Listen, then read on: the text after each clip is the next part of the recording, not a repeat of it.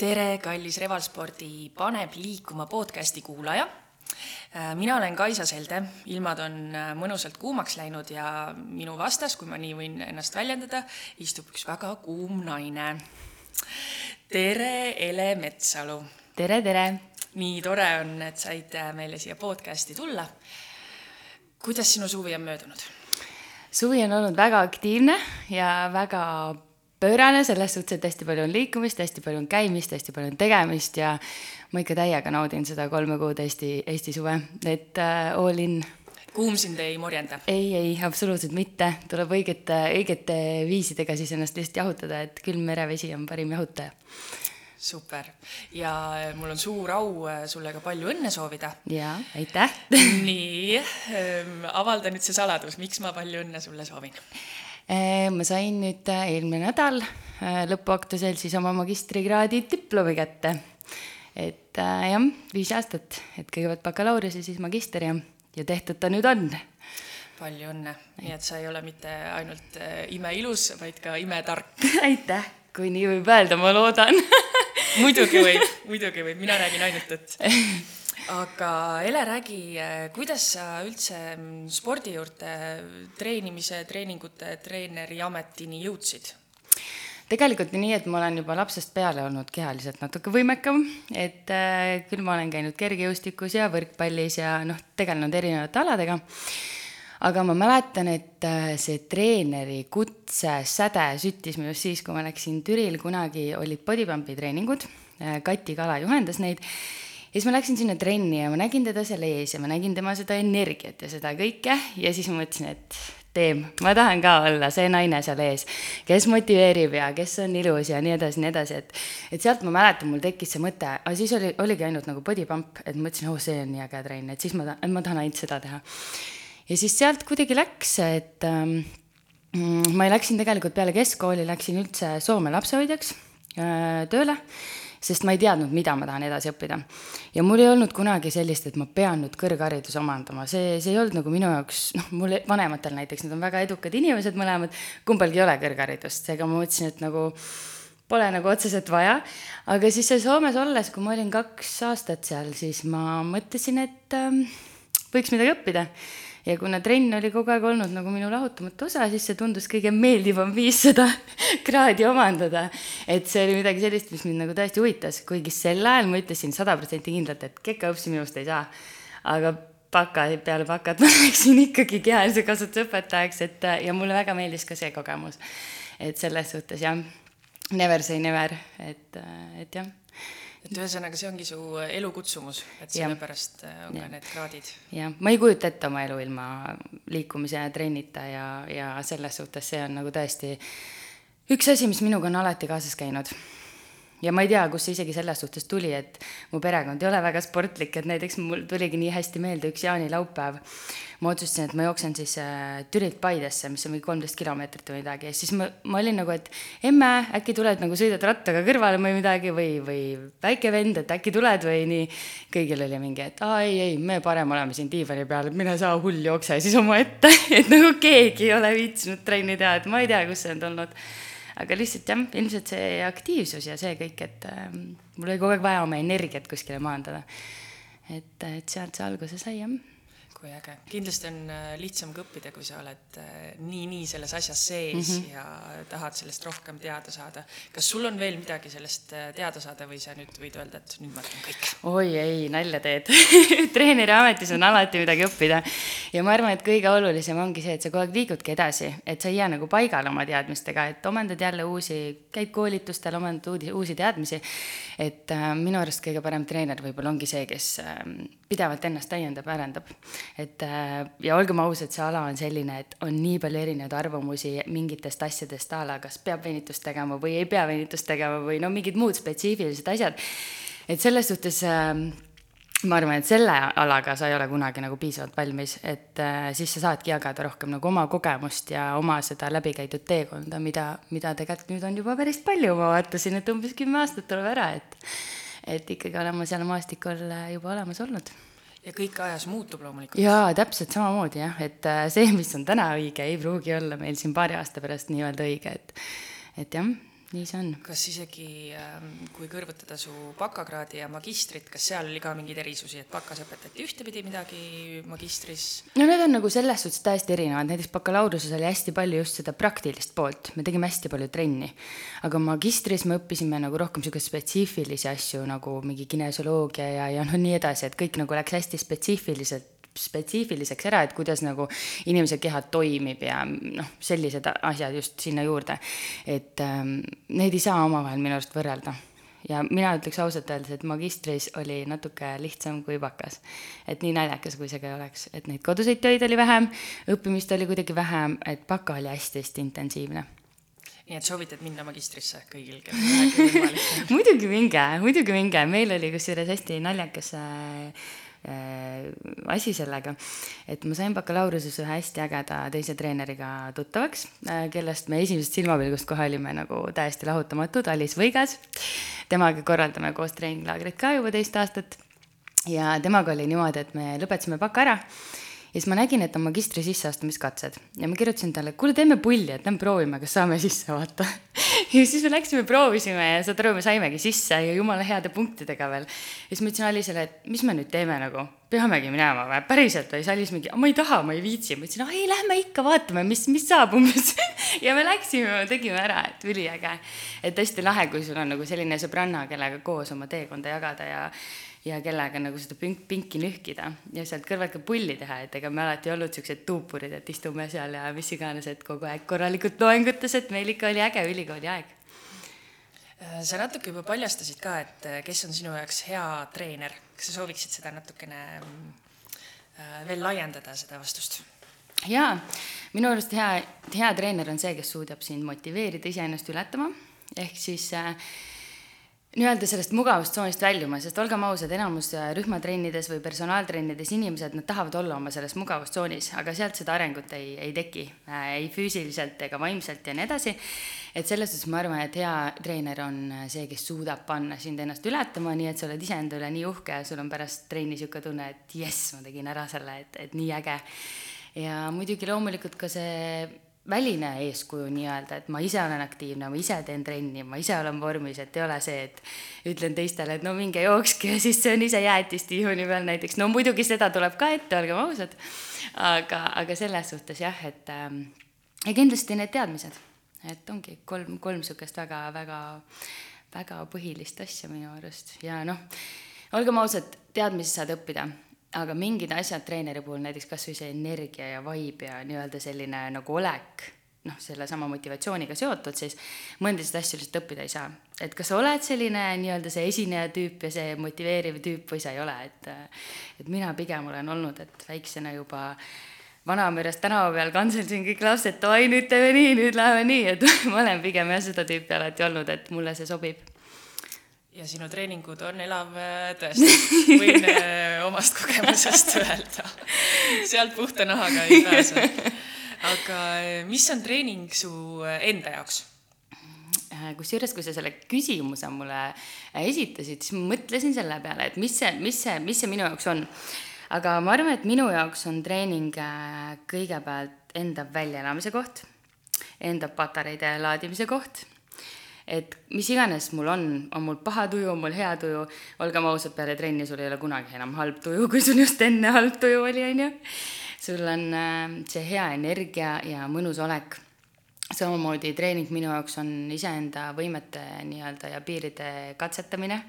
et selles suhtes just see jälle see eneseületus, mis tuleb, et see annab nii hea tunde, sest olgem ausad, kui ma tunnengi trennis, et et aa, ma sain sellega hakkama, siis ma tunnen ka muudes eluvaldkondades, et ma saan sellega hakkama, anna elu mulle ainult ette, ma teen ära, et ei huvita, et, et selles suhtes nagu minu arust äh, treeneritel ja sportlastel ja üldse kõikidel, kes spordiga seotud inimesed on, neil on sarnane mentaliteet selle koha pealt, et äh, kõik asjad on tehtavad, raske tööga küll, aga on saavutatavad.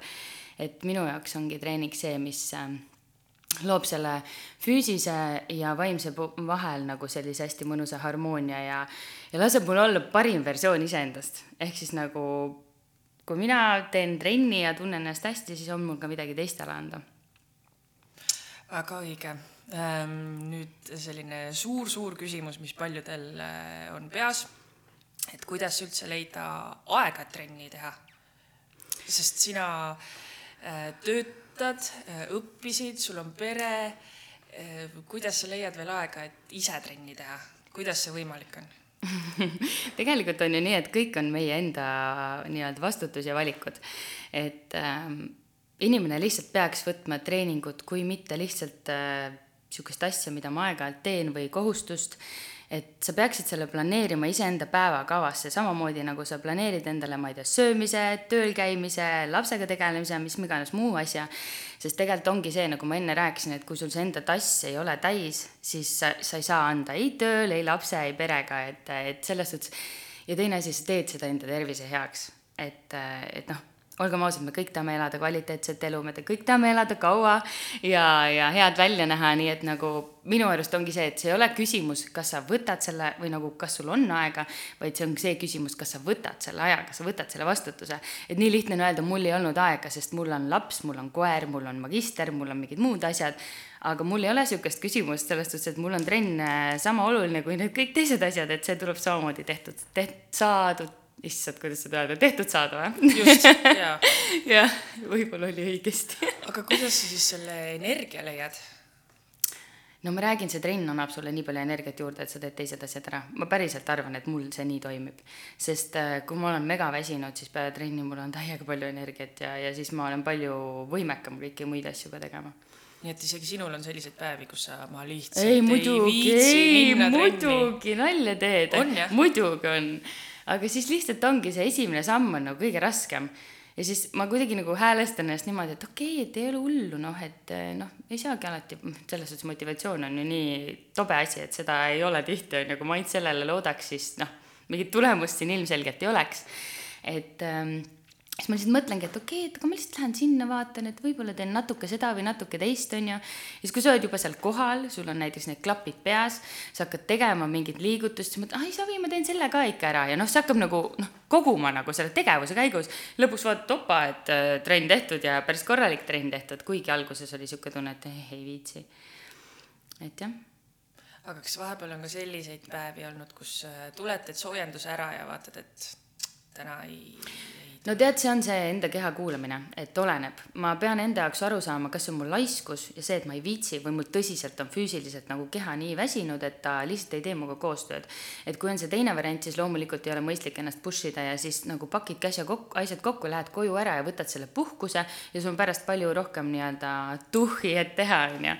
et, et kindlasti tuleb sellest aru saada, et kas sa otsid endale vabandusi hetkel või sa päriselt nagu on, su keha vajab puhkust aga tegelikult, kui sa mõistlikult ja õigesti oma treeningud planeerid, ehk siis sul on kergemad, sul on raskemad, sul on taastuv nädal ja nii edasi, siis ei tohiks väga seda tekkida. et sul on nagu päriselt seda pausi nüüd pikemalt vaja või midagi. et, et jah. ja puhkamine on ka tegelikult on väga, väga, väga oluline, mida inimesed unustavad täielikult ära. et äh, nad teevadki a la toituvad, teevad trenni, kõik jutud ja siis issand, mu kaal ei liigu või issand, mu vorm ei tule või mis iganes, ma mingi, et aga okei okay,, palju sa magad, palju sa puhkad, palju sa endale aega võtad, et iseendaga tegeleda.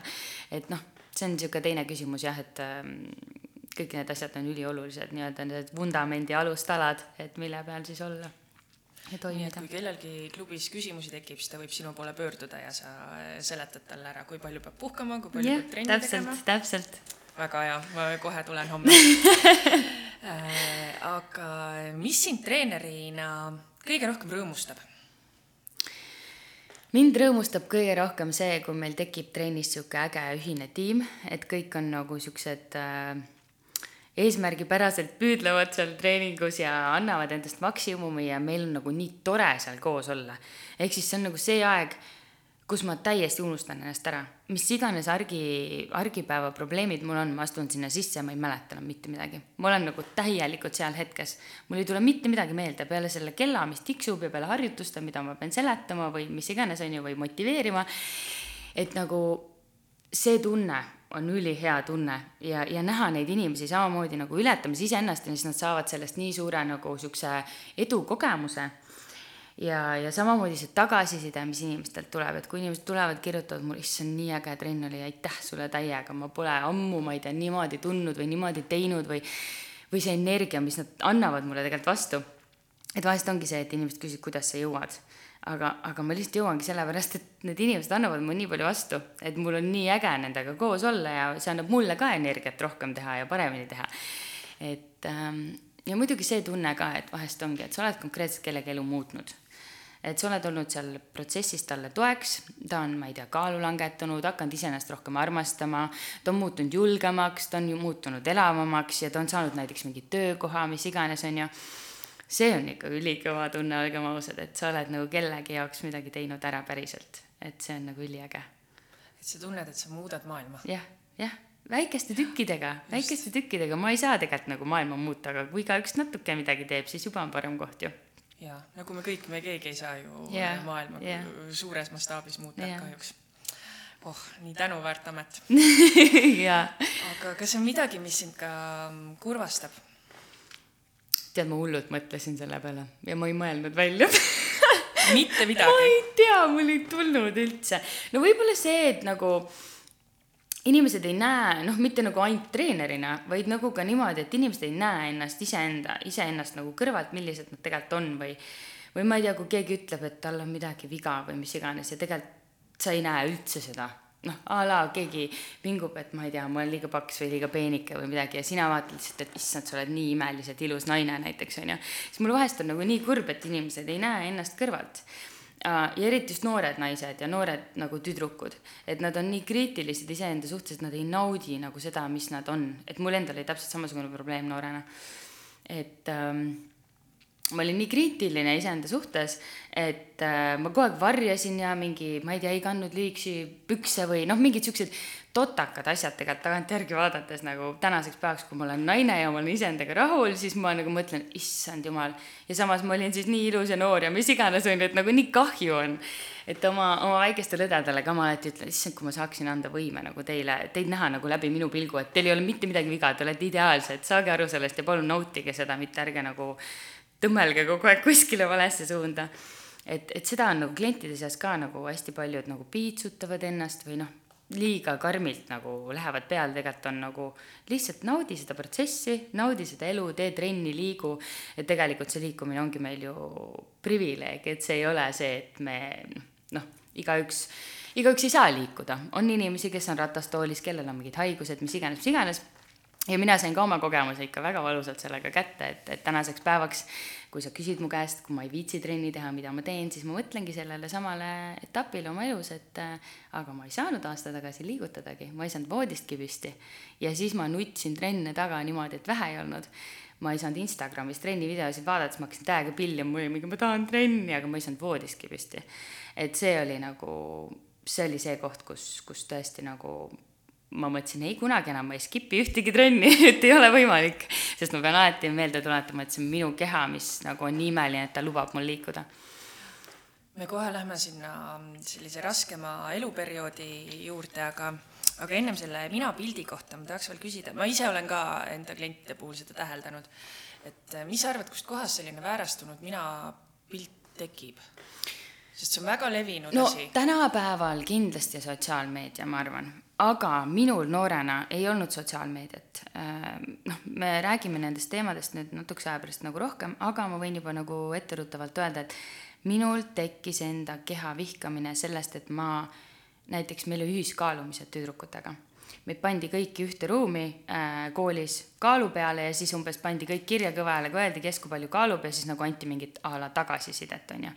noores eas, kui ma olen nagu arenev naisterahvas, mingi tütarlaps, siis nagu väga halb on, kui keegi kritiseerib mingit äh, kaalu või su välimust või mis iganes ja siis seal oli ka mingi selliseid etappe, mm, kus olid mingid peika kandidaadid, vaata nagu poisid ikka nagu noh, nillivad ja mis iganes, aga siis, kui noh, tüdruk ei tee välja a la patsist tikutamisest või mis iganes, siis hakatakse mingeid halbu asju ütlema. Ja siis oligi, mäletan, keegi ütles mulle, ma olin jumala kribu, ma olin nagu täiesti kribu. Ja siis mingi, ah, sa oled nii paksuks läinud. Või noh, mingi sihuke, siuksed hästi väiksed mingid tegelikult täiesti lambised kommentaarid tänapäeval mõtled, on ju, aga noorele tüdrukule, kui sa oled nii ebakindel iseendas, sa alles avastad iseennast, sa ei tea, kes sa oled, mis on su väärtused, siis see välimus on sinu jaoks see number üks asi.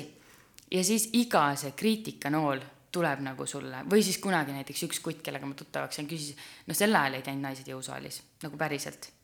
naisi ei eksisteerinud jõusaalis, kui mina seal käisin nagu. ja mul alati laiemad õlad olnud, onju, ja siis ta mingi, aa, et sul on sihuke tugevam kehaehitus, et käid jõusaalis või. Tegelikult tänapäeval ma võtaks seda komplimendina, aga siis mul oli mingi, et aa, mis sa tahad öelda, et ma olen mingi mehe, mehelik või nagu noh, kuidagi nagu selline asi, eks oma peas jälle mõtled nagu midagi hullemaks, sest sa ei ole iseendas kindel et tänaseks päevaks mind ei huvita sellised kommentaarid, ma tean ise, mis ma tahan olla ja kuidas ma tahan olla. aga kui sa oled sellises jah, kujunevas eas, siis see on väga õrn teema. ja mõni inimene võib seda kanda terve elu. ja täpselt ja, ja kannavadki, kannavadki, nii palju on selliseid asju, kus räägitakse, et oi, ta näed, ma ei tea, keegi ütles mulle nii ja siis ma siiamaani mäletan seda ja siiamaani on mul traumad sellest ja nii edasi, nii edasi aga kuidas sellest lahti saada? oi, ma ei teagi, selles suhtes, et see lihtsalt nagu a la öeldakse, et tuleb lahti lasta, aga nagu see on väga-väga suur ja raske töö ilmselt ja, ja noh, seda tuleb teha terve elu ja eks ta mingi aeg ikka trügib nagu tagasi. aga mina omast kogemusest võin öelda seda, et naised, olge õnnelikud, et te vanemaks jääte, sellepärast et minu arust läbi vanuse, läbi saavutuste, läbi eesmärkide püstitamise tuleb nagu selline enesekindlus, et noh, see nagu üldse enam ei ma ei tea, mul jumala savi, mis keegi mõtleb või ei mõtle, et ma üritan, ma ei ürita enam kellelegi meeldida, et ma olen täpselt mina ise. kui sulle meeldib, siis on tore, kui ei meeldi, siis no please next nagu. Väga õige, noorus on ilus aeg, aga õnneks ta ei tule kunagi tagasi. aga kas sa oled täheldanud, et äh, meestel on ka mingisuguseid sarnaseid probleeme või see on ainult naiste teema? meestel on kindlasti see, et nad arvavad, et nad on liiga väikesed. et nad tahavad olla suuremad, nad tahavad olla võimsamad, et kui nad on mingi peenikesed, siis nad ei tunne ennast nagu enesekindlalt ja nii edasi, et või siis lühikesed mehed põevad vahepeal ja noh, ma ei tea, nii palju, kui mina olen näinud.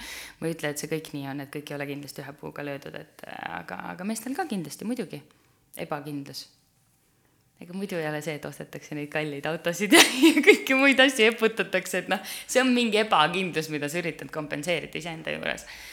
et äh, siis nagu välise fassaadiga nii-öelda. nii, aga nüüd lähme natuke tõsisemast, tõsisema tee, teema tee juurde. Ehk siis äh, üks eluperiood, mis oli päris äh, ränk. kuidas see kõik algas? noh, see algas niimoodi, et ähm, üks päev mul läks lihtsalt jalg paiste hüppeliiasest nagu metsikult paiste ja ma ei saanud sinna peale astuda. siis mõtlesin, et okei okay,, et ma, ma nagu Hispaanias trepi peal kukkusin, et ilmselt nagu nihestasin või mis iganes, mis iganes, onju.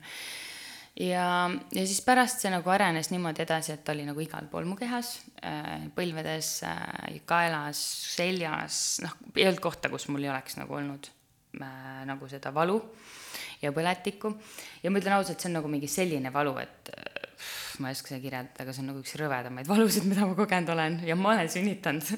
et selles suhtes see on nagu, see on nii, nii, nii jõhker valu, et ja noh, aga õnneks oligi see, et kuna mu emal, see on pärilik, mul on liigeste haigus, reumatoidartriit, mida kunagi välja ei ravi, et selles suhtes on mu veres alati, lihtsalt ta lööb mingitel hetkedel välja, mingitel hetkedel taandub tagasi ja siis hästi tugeva rohuga saab seda nagu kontrolli all hoida ja õnneks mu ema nagu kohe pani pildi kokku, et ilmselt see on nüüd see, onju.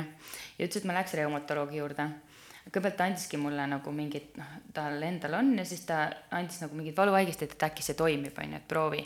aga see ei toiminud, sest minu näitajad olid nagu nii metsikult kõrged, nagu põletiku näitajad ja, ja siis ma sain, noh, oligi niimoodi, et ma helistasin kõik kohad läbi, et palun mulle aega nagu, et päriselt nagu mul ei ole eluisu enam, ma ei suuda selle valuga elada, ma pean kohe abi saama, sest mul oli nii valus.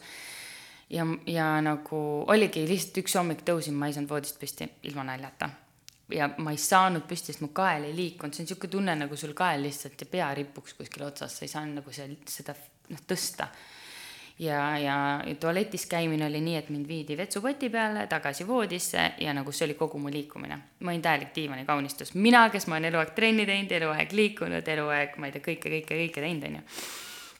ja, ja siis ma, ma pillisin seal, ma mäletan need telefonid otsas, ütlesin palun mulle arsti nagu palun abi, ma ei suuda niimoodi elada, see ei ole normaalne. ja siis lõpuks ma kuidagi sain õnneks aja ja, ja siis ta sai, noh, see reumatoloog siis juba vaatas neid näitajaid, ütles, et oi, et see on nagu väga-väga kõrge väga,, väga-väga halb on ju, et ja kirjutas mulle mingid rohud.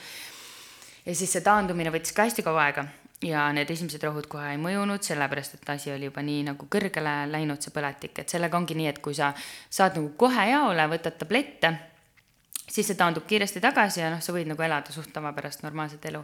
aga kui see põletik läheb hästi suureks, siis ikka paar kuud läheb see allatulemine sealt nagu tagasi. ja, ja siis ühel hetkel äh, jah, hakkas ta vaikselt taanduma, aga see oli siis see, et need on hästi kanged ravimid, need on a la mingid sellised, mida mingi vähihaiged ka tarvitavad, noh, a la sama kange, kangusastmega. ma võtsin kuus tabletti iga päev kuus tabletti ja siis selle tagajärjel siis mul kukkusid kõik juuksed välja ja noh, mingid siuksed nagu hästi halvad asjad olid kõik korraga. ja ma ütlen ausalt, siis ma sain aru, kui oluline osa on minu jaoks see trenni tegemine ja liikumine. et äh, ma lihtsalt nagu palvetasin või mõtlesin nagu, issand, ma tahan liikuda, ma tahan trenni, ma ei suuda olla lihtsalt, kuidas ma olen niimoodi, kuidas ma elan niimoodi. ja siis ma mäletan, et ma ei saanud alguses kõndidagi ega midagi ja siis ma mm, esimest korda sõitsin rattaga peale seda nagu niimoodi, et nagu vaikselt, mul oli küll veel valus, aga nagu samas ma juba sain ja siis oli see nii oh,, jess, jess. aga mul oli nagu kogu aeg sihuke tunne ka, et mind ei huvita, ma pean saama nagu tagasi. ja isegi kui ma ei tea, reumatoloog oleks mulle öelnud, et oi, sa ei tohi teha või midagi, siis nagu minu jaoks ei olnud valikvariant. ma teadsin, mina hakkan uuesti tegema, ma ei tea, kuidas, aga ma lihtsalt hakkan, sest mina ilma selleta nagu ei oska eksisteerida. Ja hästi huvitav on selle asja juures see, et, et meil oli eelmine aasta suvelaager ja ma tundsin ennast nii halvasti, sellepärast et nagu ainuke asi, mida ma sain teha, oli juhendada, ma ei saanud kaasa teha, ma lonkasin seal ringi, sõin oma valuvaigisteid nagu komme, viiesajaseid kogu aeg lasin niimoodi, sest ma ei saanud kõndida, mul oli valus ja mis iganes. ja ööga läheb nagu eriti hulluks niimoodi, et hommikul ongi nagu sellised valud. Ja, ja ma mäletan laagris ka, et mul toakaaslane äh,, noh, meie treener Merit magas mul kõrval ja ütles, et issand, et nii õudne oli kuulata, et noh, ma nagu reaalselt nagu hingasin niimoodi, et noh, nagu mul oli nii valus, nagu ringkeres ja kõigest, sa ei saa nagu hingata ka, need roided ja kõik kuidagi, kõik valutab. ja siis mul oligi kogu aeg sihuke tunne, okei okay,, kas ma nüüd kutsun kiirabi või ei kutsu kiirabi, kutsun kiirabi või ei kutsu kiirabi, et nagu see oli sihuke tunne, et noh, ma ei suuda seda valu nagu, ma ei saanud sisse hingata, vaata sihuke õhupuudus ja kõik ja siis Merit ütles, et issand, nii õudne oli kuulata, et sa ei saanud üldse nagu magada. ja mul olidki täiesti magamata ööd tänu sellele, ma võtsin unerohtusid, ma võtsin rahusteid, mul oli nagu täiesti fucked up, ütleme ausalt, periood elus et, ähm, et see oli ikka väga rets. ma ei teagi, kaua see kestis täpselt, sellepärast et ma mäletan äkki, ma võis ta olla september või november või midagi sellist, kui ma ei, ma ei usu, et nii vähe aega oli, võib-olla oli ikkagi hiljem, ma täpselt ei oskagi öelda. aga hästi pull on see, et esimese jõusaali trenni peale haigust, ma olen Türilt pärit tüdruk, tegin ma arva, kus? Türil ei Revalis. Revalis. jaa, see on nii naljakas. blondiin pakub ikka. ja, ja ähm,. nii, Türil. ja saad aru, see on nii naljakas nagu esimene trenn peale seda haigust, kui ma jälle olin nagu rajal, ma olin Revalis. aga tagant... miks siin? ma ei tea, täiesti lambisti, ma olin Tallinnas ja tahtsin jõusaali minna ja valisin Revali nagu. ja, ja tagantjärgi on see nagu nii naljakas mõelda, sest äh, ma tulin natukese aja pärast Revalisse tööle ka.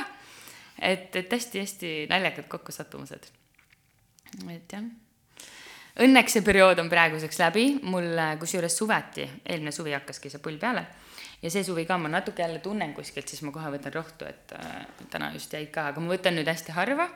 Ma ei tea, reumatoloog, ma loodan, et ei kuula, sellepärast et ilmselgelt ma ei tohiks ise mängida, ma arvan, nende tabletikogustega nii, aga point ongi selles, et ma, ma ei taha süüa seda mürki endale nii palju sisse, ehk siis ma tahan hoida nii minimaalselt kui võimalik, ehk siis kui ma saan nii kaua ilma, siis on väga-väga hästi. et kui ma tõesti tunnen, et hakkab jälle, siis ma võtan natukene ja siis jälle tükk aega võtab. et eh, ma tean, et arstid selle peale ütlevad nüüd oi, paha tüdruk, aga nagu ma ei näe muud võimalust. Issand äh,, jah, lausa pisarad uh, võttis sõnatuks kõik see jutt, et äh, aga see tahtejõud täiesti imeline, et kuidas, jah mul siit kõrvalseisjana on kuidagi nii labane küsida, et kuidas sa leidsid selle tahtejõu või kuidas, et see ma ei tea, tead, mul on olnud elus nii palju selliseid asju nagu, mis äh, on võtnud minult sellist tahtejõudu lihtsalt või nagu nii metsikut sellist ähm, eneseületust, et võib-olla need asjad nagu on mind nii palju karastanud, et minu jaoks nagu iga takistus ongi lihtsalt takistus ja ma mõtlengi, et okei okay,, see on takistus, see on praegu nõme ja halb ja mis iganes, mul on paha, on ju. aga samas tulemus on see, et ma olen juba kogenum, ma olen parem, ma olen nagu noh, mingis mõttes edasi arenenud, ehk siis nagu, nagu öeldakse, et iga probleem on millekski hea. ehk siis nagu tagantjärgi mõtlengi, et aga võib-olla ma ei oskakski täna hinnata seda, mida ma saan teha tänu oma kehale kuidas ta laseb mul liikuda ühest kohast teise, punktist A punkti B, on ju. mis tunne see on, kui sa ei saa voodist tõusta, mis tunne nendel invaliididel või teistel sellistel noh, inimestel on, on ju. et äh, võib-olla sa oskad väärtustada neid asju siis rohkem, kui sul ühel hetkel ei ole, ehk siis ma arvan, et see on ka ülioluline, aga no olgem ausad, ega siis kui hästi on, siis läheb meelest ära ka et see on nii tavaline inimeste puhul, et kui on pahasti, siis on kõik pahasti, aga siis kui kõik hästi on, siis keegi enam ei mäleta, noh, kasvõi koroonaaeg. ma kuulasin eile Nublu laulu, kus ta räägib sellest koroona asjast, piirangud ja kõik see, et ei teadnud, mida teha ja nii edasi. tänaseks päevaks ei ole enam meeleski see nagu, mis seal oli siis noh, noh hakkad meelde tuletama niimoodi. aga sel hetkel oli ju tõesti väga suur paanika ja kõik muud jutud. et, et noh, jah. aga võib-olla me olemegi niimoodi äh, üles ehitatud, et äh, me ei kannaks seda negatiivset taaka endaga kaasas yeah., et et äh, kogu aeg mõtleksimegi positiivselt, positiivselt. jah, jah. ei no selles suhtes ongi, aga kui sa ennast kogu aeg nagu selle negatiivsega häälestad, siis ega sa nagu põled läbi kiirelt ja noh, teed iseendale lihtsalt karuteene. et vahet ei ole, mis olukord elus on, et alati tuleb üritada ikkagi leida midagi positiivset et äh, kuigi ausalt öeldes ma ei kujuta ette, ma ei kujuta ette, on ju väga õudseid olukordi, kus ma tõesti ei kujuta ette, kuidas leitakse midagi positiivset üldse. et ähm, aga siis ongi aeg, aeg teeb kõik paremaks, aeg parandab kõik haavad mingi hetk sa suudad elada jälle, suudad hingata, suudad teha neid asju, mida sa tahad. et, et jah. aga kui keegi ennast äh, sinu loost kuidagipidigi äh, ära tunneb, siis kuidas sa soovitad leida seda motivatsiooni, et, et mitte lihtsalt jäädagi sinna äh, diivanile seda valu kannatama, vaid ikkagi leida see, see säde ja see elutahe ja see trennitahe ja see kõik uuesti ülesse no minul aitas näiteks hästi palju see, et ma kirjutasin ennast lahti. Äh, ma lihtsalt võtsingi paberi ja vastaka ja ma kirjutasin, mis mõtteid ma tunnen, mis emotsioone ma kogen, miks ma neid tunnen, ma üritasin nagu endas leida selle selguse. siis teiseks kindlasti on see tugigrupp, et, äh, et sul on kellegagi rääkida, et sul on keegi, kes sind nagu aitab või motiveerib või sulle on toeks. et äh, või siis täpselt, vahet ei ole isegi, ta ei pea mu mingi sõber olema ma ei tea, guugelda netist, leia endale mingi inimene, kes on olnud sarnases olukorras, küsi ta käest nõu, tänapäeval on kõik nii lihtne ju. et ähm, lihtsalt ära jää passima paigale, koha peale. mine välja, ürita, tee kasvõi üks pä-, samm päevas, lihtsalt liigu selle eesmärgi suunas, et ära jää seisma, see on kõige hullem asi, mida teha.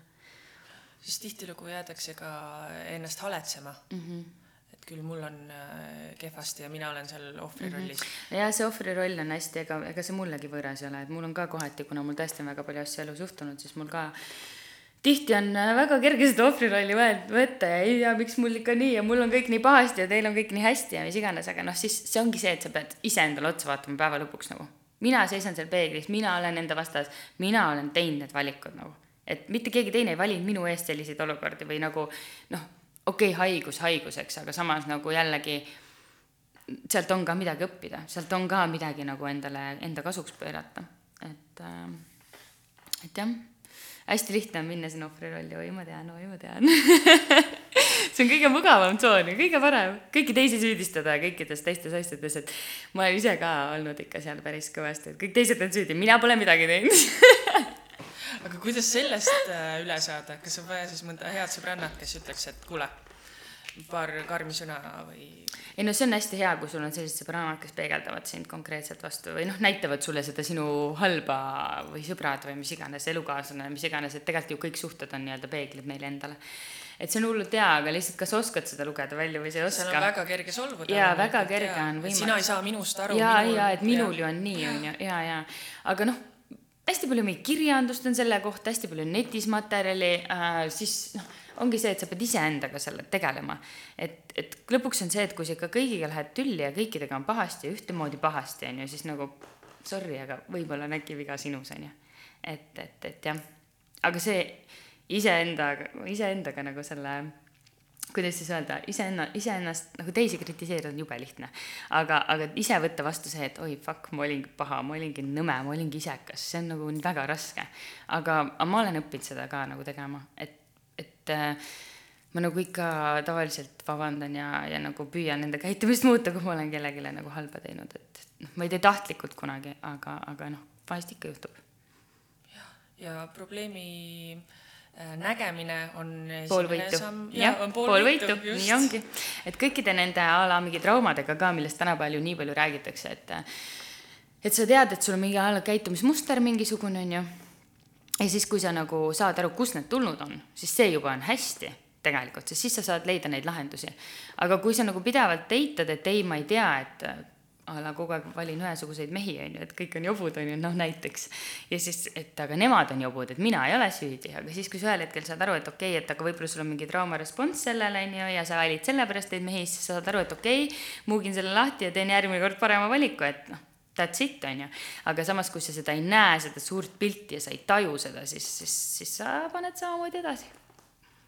noh, lihtne näide elust enesest jaa, täpselt nii ähm, kuna aeg on armutu, siis ma vahetan äh, teemat, üks teema, millest minu arvates on vaja väga palju rääkida, eriti hea, kui treenerid sellest räägivad.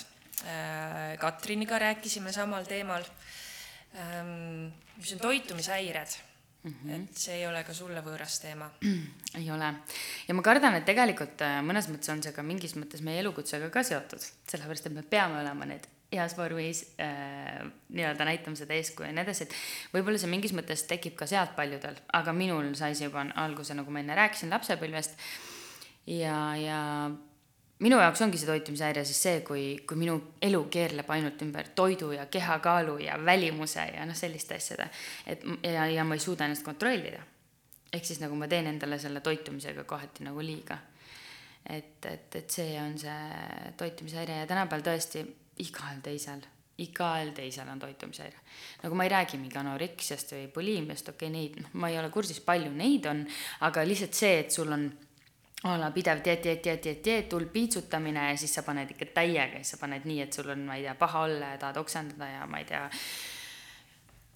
ja siis see enda karistamine mõttes nagu, issand, miks ma sõin nii palju, mida ma sõin, kuidas ma sõin, nüüd ma pean nii palju trenni tegema, noh, mingi sihuke asi, et noh, see, noh, see ongi see, et millal mina sain aru, et mul on midagi paigast ära oligi see, et kui ma nagu sõin ja siis mõtlesin, nüüd ma pean ennast nagu selle ära kulutama trenniga ja siis ma hakkasin nagu ennast karistama trenniga ja, ja siis ma hakkasin hullult piirama ennast ja noh, et nagu ja siis ma ei olnud rahul üldse sellega, mis mulle peeglist vastu vaatas ja nagu see mõjutas nii palju mu elu, et, et noh, vaimselt ma olin ikka väga katki. et, äh, et siis ma sain aru, et nagu nüüd tuleb vist midagi ette võtta, et, et see suletud ring oli nii metsikult äh, noh, nii metsikult hakkas häirima et sul on masendus, siis sa sööd, sest sul on masendus, siis sa sööd veel, sest sa ei taha nagu tunnistada endale, et praegu on ju hea, on ju, see on see, et sa lohutad mingit a la tunnet sellega, siis sul pärast on süümekas, et sa sõid, siis sa hakkad trenni tegema või ma ei tea, näljutama või mida iganes, on ju, et seda alla saada, siis sa mingi hetk tunned ennast hästi ja siis jälle langed. et nagu see on see tsükkel, see ring, millest nagu on nii raske välja saada kui sa ütled, et sa piirasid ennast, mida see tähendab, kuidas sa piirasid ennast? Või see käib sinna dieedipidamise alla? no pigem jah, see, et, et äh, hull karm dieet või nagu nüüd ainult need asjad, vaata, ja ainult nii palju ja nagu noh, selles suhtes ma eelistan tänapäeval mõelda nii. enne ma mõtlesin ka, et dieet on ju, aga tänapäeval ma mõtlen lihtsalt tervislik elustiil, ehk siis ma söön normaalselt, ma söön normaalseid koguseid, ma söön normaalset kaloraaži ja ma naudin seda toitu, et see ei ole ainult kanariis ja juurviljad või mis iganes, on ju ja see käib elustiili juurde, see ei ole see, mis nagu muutub nüüd kolme kuu pärast, kui ma olen saanud a la, ma ei tea, mingi kaalunumbri kätte. et, et see ei saa nii olla, see ei käi nii. aga varasemalt minu mõttemaailm oligi nii. ehk siis ma võtsin alla äh, ja siis võtsin jälle juurde ja minu see kaalu kõikumine võis aasta jooksul olla kümme kuni kakskümmend kilo nagu väga-väga suurelt. ja, ja see ei olnud mitte kuidagi tervislik ja normaalne. et äh, ja siis oligi, kui ma kui ma olin juurde võtnud natukene, no tegelikult vahepeal on see võib-olla siiamaani, ma ei saa nagu seda eitada, ma ütlen ausalt, ma ei ole sellest sada protsenti jagu saanud ja ma isiklikult arvan, et see on niisugune asi, millest sa võib-olla elu lõpuni nagu mingis mõttes see sind ikkagi nagu nii-öelda jälitab, et mingitel etappidel võib see välja lüüa, et see on pigem kontrollitav ja nagu, aga päris, okei okay,, kui on äh,, kui on bulimia või anoreksia, siis ma usun, et see on väljaravitav aga kui on ortoreksia nagu mul, ehk siis see tähendab seda, et liigne muretsemine toidu pärast ja liiga nagu tervislik ja liiga nagu noh, see teine äärmus, vaata, siis seda ma arvan, et ei ole võimalik väga välja röövida. et, äh, et ma arvan, et see ikka tuleb vahepeal tagasi. et jah, ähm, kahjuks või õnneks on toit meile igapäevaselt vajalik. et kui on äh, teised sõltuvused, millest me saame loobuda täielikult mm, -hmm. siis toidust mm -hmm. ei mm, -hmm. ei saa mitte kunagi loobuda mm. -hmm. et tulebki see tasakaal leida yeah..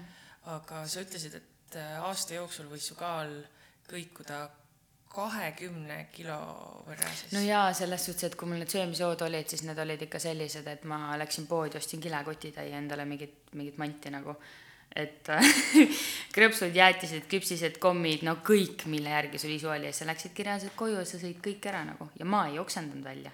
Ma olen proovinud, ütlen ausalt, ei ole uhke selle üle, õnneks ei õnnestunud. sest muidu ma arvan, et olekski läinud edasi buliimiaks see asi onju. aga aga no siis mul oli megavalus, mul oli nii paha, mul kõht punnis, mind ajas ise oksele. ma ei suutnud liigutada ennast, nagu see oli nii vastik tunne, ma praegu siiamaani mõtlen ühe, ühe kõige hullema korra peale ja siis mul nagu tuleb nii jõhker jüdined peale nagu, et see on nii metsikult rõve ikka, mida inimene suudab endaga teha. Ma tean, mida sa teed, ma olen äh, samu asju teinud, olen suuteline või olin suuteline siis sööma ära äh, kaks pitsat, liiter jäätist ja sinna veel pakk krõpsu peale. väga hull. Et nagu, et see ongi nagu see, et me võime kõike süüa, me võime kõike teha tegelikult, näiteks tänaseks päevaks, noh, me räägime, me räägime kümne aasta tagusest äh, a la asjast, mis mul siis oli, on ju, ja, ja siiamaani tegelikult mul vahepeal tuleb neid söömasööste, aga enam need ei ole sellised nagu nii metsikud, sest ma olen leidnud selle tasakaalu, ehk siis kui ma tahan, siis ma võtan selle ühe-kaks kommi, on ju, ja savi ma kulutan selle ära ja mul, ma ei pea selle pärast põdema. Aga palju hullem on see, kui ma piiran endale ühte-kahte kommi ja siis pärast lähen söön paki krõpsu või midagi muud veel, veel hullemini, sellepärast et ma olen nii hulludes piirides. et äh, sellepärast ma natuke seda nagu a la võistlussporti ka nagu kardan, et, äh, et noh, just need dieedid, et ma, ma ei tea, kuidas minu psüühikale see mõjub, et kas tõesti on nii, et ma võib-olla piirangi ennast nii hullult ja pärast sööngi ennast mingi kolmkümmend kilo raskemaks lihtsalt, sest ma olen nii hullult piiranud ennast. et see on nagu, kui sul juba sihuke toitumishäire eos on all, et see võib olla ikkagi päris sihuke riskantne tee, mida kõndida. kõlab sedamoodi küll yeah., aga äh, kui sa ütlesid, et äh, läksid poodi ja ostsid sealt krõpsu või noh, ma tean seda teekonda jah, kummikommid ja äh, aga miks just sellised valikud, miks ei ole see, et ma nüüd lähen, ostan poest viis kilo õunu ja ma lihtsalt söön kümme kilo õunu lihtsalt endale sisse. oi, Kaisa, aga mida sa küsid mu käest, miks just sellised valikud, ütle mulle, millal on õun maitsenud paremini kui ma ei tea, küpsised või pitsa või saiakesed või krõpsud nagu. eks see ongi ju see, et noh, me teame, et nendes toitainetes tegelikult on sõltuvust tekitavad ained sees, on ju. Sa ei suuda mitte kunagi ühe krõpsuga piirduda, olgem ausad, sest see lihtsalt see maitseelamus ja see noh, see kõik trigerdab sind nii hullult, on ju. et äh, et see siis lihtsalt ei käi nii.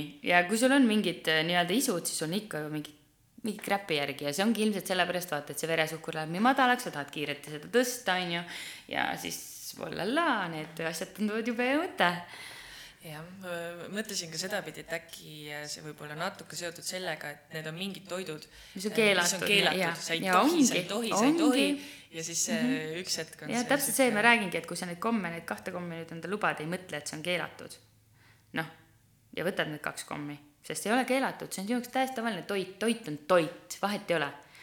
siis sa ei lähe sinna õgima pärast, aga kui sa mõtled, issand jumal, ei tohi seda kommi võtta, ei tohi jälle ja siis pärast sööd ära ja siis pärast läheb juba muud asjad järgi, sest niikuinii ju läks juba see üks rehv, lööme kõik neliteist rehvi ka katki nagu. täitsa haige, tegelikult see on haige, aga nagu nii see on. jaa, olen jah ka kuulnud lugusid, et läks see üks tordilõik ja, ja siis, siis peaks terve tort läheb ja. järgi jah ja. ohoh, elu, elu, elu elukest, aga ähm, ma mõtlen, et kui see sul ähm, algas ja siiamaani nagu kelle jaoks sa seda tegid või kust see üldse tuli?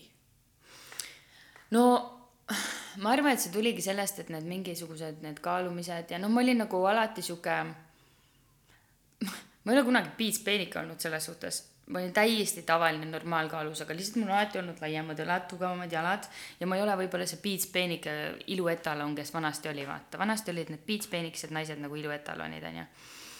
ja, ja siis äh, ja see kuidagi mulle tundus alati, et ma olen paks ja ma olen suur ja ma ei ole ilus ja, ja mul on ikka jalad paksud ja mul on see ja teine ja kolmas onju. ja see kuidagi tuli jah pubekaeast nagu sisse. ja siis see kujuneski niimoodi, et ma ei olnudki kunagi rahul. Kogu aeg oli midagi valesti. aga, aga tead, ühel hetkel ongi see, et see vanusega ja mingite muude saavutustega elus tulebki see, et issand jumal, on siis on, no mis seal ikka, samas ma olen nii äge naine, vaata, et nagu nagu tänaseks päevaks ongi niimoodi, jaa, mul on tselluliit, no las ta siis olla, no sorry, ma ei saa midagi sinna teha, no veits saan, teen ka nii palju, kui saan, aga nagu that's it ja aga see ei tähenda, et ma sigaäge naine oleks või et ma sigaäge ema ei oleks või mingid muud asjad, et nagu, või et ma ei saavutaks seda eesmärki, mida ma nagu tahan saavutada. ehk siis tänaseks päevaks nagu see välimus ei ole nagu, see ei ole ainus asi, mis mind defineerib. vanasti see oli. sest mul ei olnud, ma ei teadnud, kes ma olen, ma ei teadnud, mis ma olen ja miks mina just äge olen et, äh, et varem oli kogu aeg kahtlus, et kõik teised on paremad. Äh, kõik teised on ilusamad. noh, see ongi see mingi enesearmastuse, enesekindluse teema ilmselt, mida ei olnud. ja see kõik tuleb ajaga? see tuleb lapsepõlvest ilmselt jah.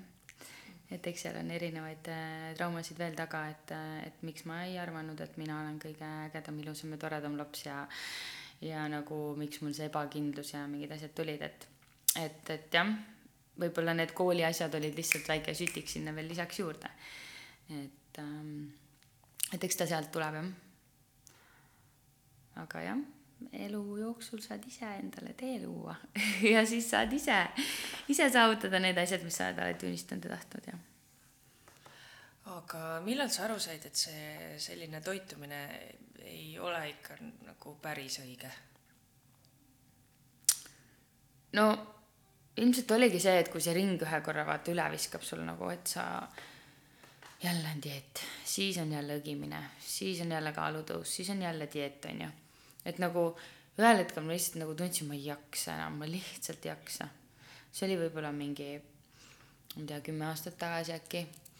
ja, ja siis ma, siis ma kirjutasingi äh, esimest korda ühele Marek Kalmusele ja ütlesin, et äh, nüüd mul on siin mingi, ma ei mäleta, mis mu kaal võis olla, mingi seitsekümmend kaheksa või mingi kaheksakümmend, issand, ma ei mäleta, ühesõnaga väga suur minu kohta ja siis äh,, siis ma ütlesin, ma ei jaksa enam nagu ja siis ma rääkisin sellest ja nagu ütlesin, ma tahan alla võtta ja nii edasi ja siis ja siis ma võtsingi alla, aga ega ma ei saanud sellest nagu lahti, sest ma võtsin mingi hetk jälle uuesti juurde, sellepärast et ma olin sellest nagu vaimselt ikka samas kohas. aga jah kui, kui tekib niisugune asi, et ma ei tea, sa oled üksik ema saad hakkama näiteks või sa lood oma ettevõtte, sa kardad täiega, sa saad ikka hakkama, siis lõppkokkuvõttes ongi see, et nagu sa hakkad vaimselt iseendasse teistmoodi suhtuma ja ka läbi selle siis muutuvad ka sellised nagu toitumishäired või sellised asjad nagu minimaalsemaks või vähemaks. et äh, sa ei pea enda emotsioone lohutama enam nagu toiduga, sa saad kuidagi muud moodi hakkama, sest sa oled nii palju praktiseerinud ja harjutanud et, ähm, et võib-olla see kuidagi on omavahel ilmselt kõik, kõik kooskõlas. sa juba ütlesid, et äh, otsisid abi. kuidas selleni jõuda või kustkohast üldse abi leida? tegelikult minu arust, ma ütlen ausalt, on see päris keeruline, et minul kestis see ilmselt nii pikalt sellepärast, et ma ei osanud mitte kuskilt nagu abi leida. et äh, ma guugeldasin küll, aga kõik ajad olid täis, siis nad olid tasulised ja nii edasi, nii edasi, et nagu ma ei saanudki, ma ei osanudki ja, ja mingi hetk ma ei mäleta, mis influencer see oli, kes sellest rääkis, aga ma leidsin, et Tartu Ülikooli Kliinikumis on siis söömishäirete osakond ja siis ma pöördusin sinna. ja eelnevalt olen ma olnud ka siin Tallinnas tegelikult äh, nii-öelda ravil sellesama asjaga kümme aastat tagasi umbes. aga kogu ravi oli see, et antidepressandid ja that's it nagu, et see see see ei ole nagu päris see. et äh, seal tuleb ikka selle mõistusega nagu teha tööd. noh, ülikooli kliinikumis ei olnud niimoodi, me hästi palju vestlesime, rääkisime, arutasime, et seal nagu oli parem, aga noh, mu esimene kogemus oli nagu selline, et noh, kirjutame antidepressandid ja küll korda saab aga noh, selleks hetkeks oli mul asi nii hull, et äh, ma ei läinud kodust välja, ma ei rääkinud kellegiga, ma nutsin kogu aeg kodus. kuskil mingi üritus oli, siis ma mingi, et issand, mis kõige suuremad ja, ja paksemad ja lohvakamad riided ma saan selga panna, et kui ma pean minema, aga ma ei tahtnud kuskile minna ja ma ei tahtnud ennast näidata ja. ja kuigi ma olen nagu hullult sihuke esineja tüüp muidu ja tähelepanu maniak nii-öelda onju. ja siis mul oli nii, et issand, ärge kõik, keegi mind vaadake lihtsalt, et jõu nagu rõve et hoopis äh... antidepressandid tuleb väga üllatusena mulle, et sellist asja siis soovitatakse see ei ole mitte mingisugune lahendus ju. ei, muidugi ei ole, see on ju lihtsalt see summutamine. just. et me peame probleemi algeni minema, aga, aga tegelikult tänapäeval hästi paljud arstid kirjutavad igati igast asjade peale antidepressante. et see alge on ikkagi ju mentaalne mm, -hmm. mitte füüsiline. jaa, täpselt, jah. aga samas, olgem ausad, vahest sa võid olla nii suures augus, et ilma nende tablettideta sa ei hakkagi nägema lahendusi seda küll, et et selles suhtes ma olen nagu nõus, et pigem tee see üks kuur ära ja sa saad oma selle taseme nagu hormonaalse taseme nii paika, et sa jälle näed lahendusi. et kui sa oled nagu sellises augus, et sa neid lahendusi ei näe, siis noh, sorry, aga sul ei ole muud valikut. ja, ja kohati, kui see tasakaal läheb nii paigast ära, on ju, siis, siis sa lihtsalt ei näe lahendusi ja sa istudki seal augus ja sa ei oskagi mitte midagi teha, aga samas sa teed selle kuuri ääres, mõtled, issand jumal, et aga tegelikult on nagu veel erinevaid võimalusi või lahendusi sellele probleemile. Et jah. Ja nüüd jällegi, kui keegi ennast ära tunneb, mis see esimene samm siis oleks? Toitumishäirete puhul või? toitumishäirete puhul ja no ma arvan, et noh, kui me räägime buliimiast või anoreksiast, siis kindlasti tuleks kellelegi rääkida sellest. ilma selleta, et sa kardad hukkamõistu, et valigi selline inimene, kellele sa julged see rääkida ja kellele sa nagu päriselt julged ennast avada, et sa ei pea valetama või varjama, et ähm, see on kindlasti esimene asi ja teine asi on abi otsida, sest see ei ole normaalne elu, see elu ei pea keerlema ümber toidu ja, ja, ja nagu kehapildi ja kõige selle, et nagu meil on elus palju-palju ägedamaid muid asju, nagu täna meil kolmkümmend kraadi väljas sooja on ju, jumala, jumala äge on ju, et nagu naudime siukseid väikseid pisikesi asju, mitte ärme tee pseudoprobleeme, et noh, selles suhtes olgem ausad, need on pseudoprobleemid, mõnel on laps, ma ei tea, väga haige või mis iganes, see on pseudoprobleem, sinu kehapilt. aga ma saan aru, et sinu jaoks on see nagu nii oluline, ma ise samas kohas olnud, on ju. et, et see ongi praegu tundub nagu maailma kõige hullem asi. et noh, minegi otsi abi ja siis sa saad mingil hetkel aru, et tegelikult see on lahendatav ja see ei ole nii hull sest naiste jaoks tihtilugu äh, ongi meie keha on selline nagu pidev projekt mm, -hmm. kus on vaja siis äh, kaks kilo juurde saada, siis on kaks kilo vaja alla saada, siis on vaja juuksed sirgeks saada, siis on vaja juuksed lokki saada siis on mhm. vaja, et see jah, see rong lihtsalt sõidab ja sõidab ja tuleb sellega lihtsalt kuidagi mõistuse piires kaasa sõita. jah, täpselt nii ongi, tasakaalus. Äh, et me ei lõpetaks siin äh, nii selliste masendavate teemadega siin ilusal suveilmal, siis äh, äh, räägi parem, mis sulle suvi toob ja mis sulle järgmine hooaeg toob. oled sa juba äh, mõtisklenud, lähed äh, doktorantuuri võib-olla? oi, oi, oi, oi, oi, ma just rääkisin sulle, kuidas ma üldse sinna meistrisse sattusin ja sa küsid mu käest, kas ma lähen doktorantuuri. ei, ei nüüd äh, väljakutse, võtke ausalt, keegi Elenilt äh, varrukast kinni ja öelge talle, et lähme nalja pärast. jah, ei noh, selles suhtes, et ma ei arvanud üldse, et ma kunagi ülikooligi lähen, et, et see, et mul nüüd magister on, see on nagu oo, kust see tuli, nii äge. aga samas see on nagu nii lahe, selles suhtes, et ma ei ole kunagi arvanud, et see mingi huge thing on nagu nii-öelda onju. ja siis, kui ma panin selle lõpupildi ja kuidas kõik inimesed mingi soovisid õnne ja kommenteerisid ja mingi ütlesid ja siis mõtlesin, issand, aga see vist ongi suur asi või nagu. muidugi on noh, muidugi on. noh, aga ma nagu okei okay,, noh, mis seal on, siis lõpetasin kooli noh. et ei, doktorantuuri ei tule, aga suvi tuleb äge selles suhtes, et ähm, kavatsen nautida väga palju aega sõprade ja perega ja, ja, ja iseendaga olla ja, ja just see, ma ei tea, ma just mõtlesin eile ka, et kolm kuud seda imelist aega ja, ja seda on nii lahe näha, et kõik inimesed on lihtsalt siukse mentaliteediga, et nüüd kohe praegu, mitte kunagi hiljem, vaata, et noh, nad võtavad täiega maksimumi, kui sa vaatad sotsiaalmeediat ka, kõik on kuskil, teevad midagi, ma ei tea, grillivad, tšillivad rannas, käivad, tripivad, et noh, ma kavatsen täiega seda kõike teha. sest see talv oli nii pikk, meid justkui hoiti kuskil äh, Jaa. vangis ja nüüd kõigil on selline vabadus, seda on nii tore näha. jaa, on küll jah. Aga igal juhul suur-suur-suur aitäh sulle, Ele. Aitäh kutsumast. imelist, imelist suve sulle sama sulle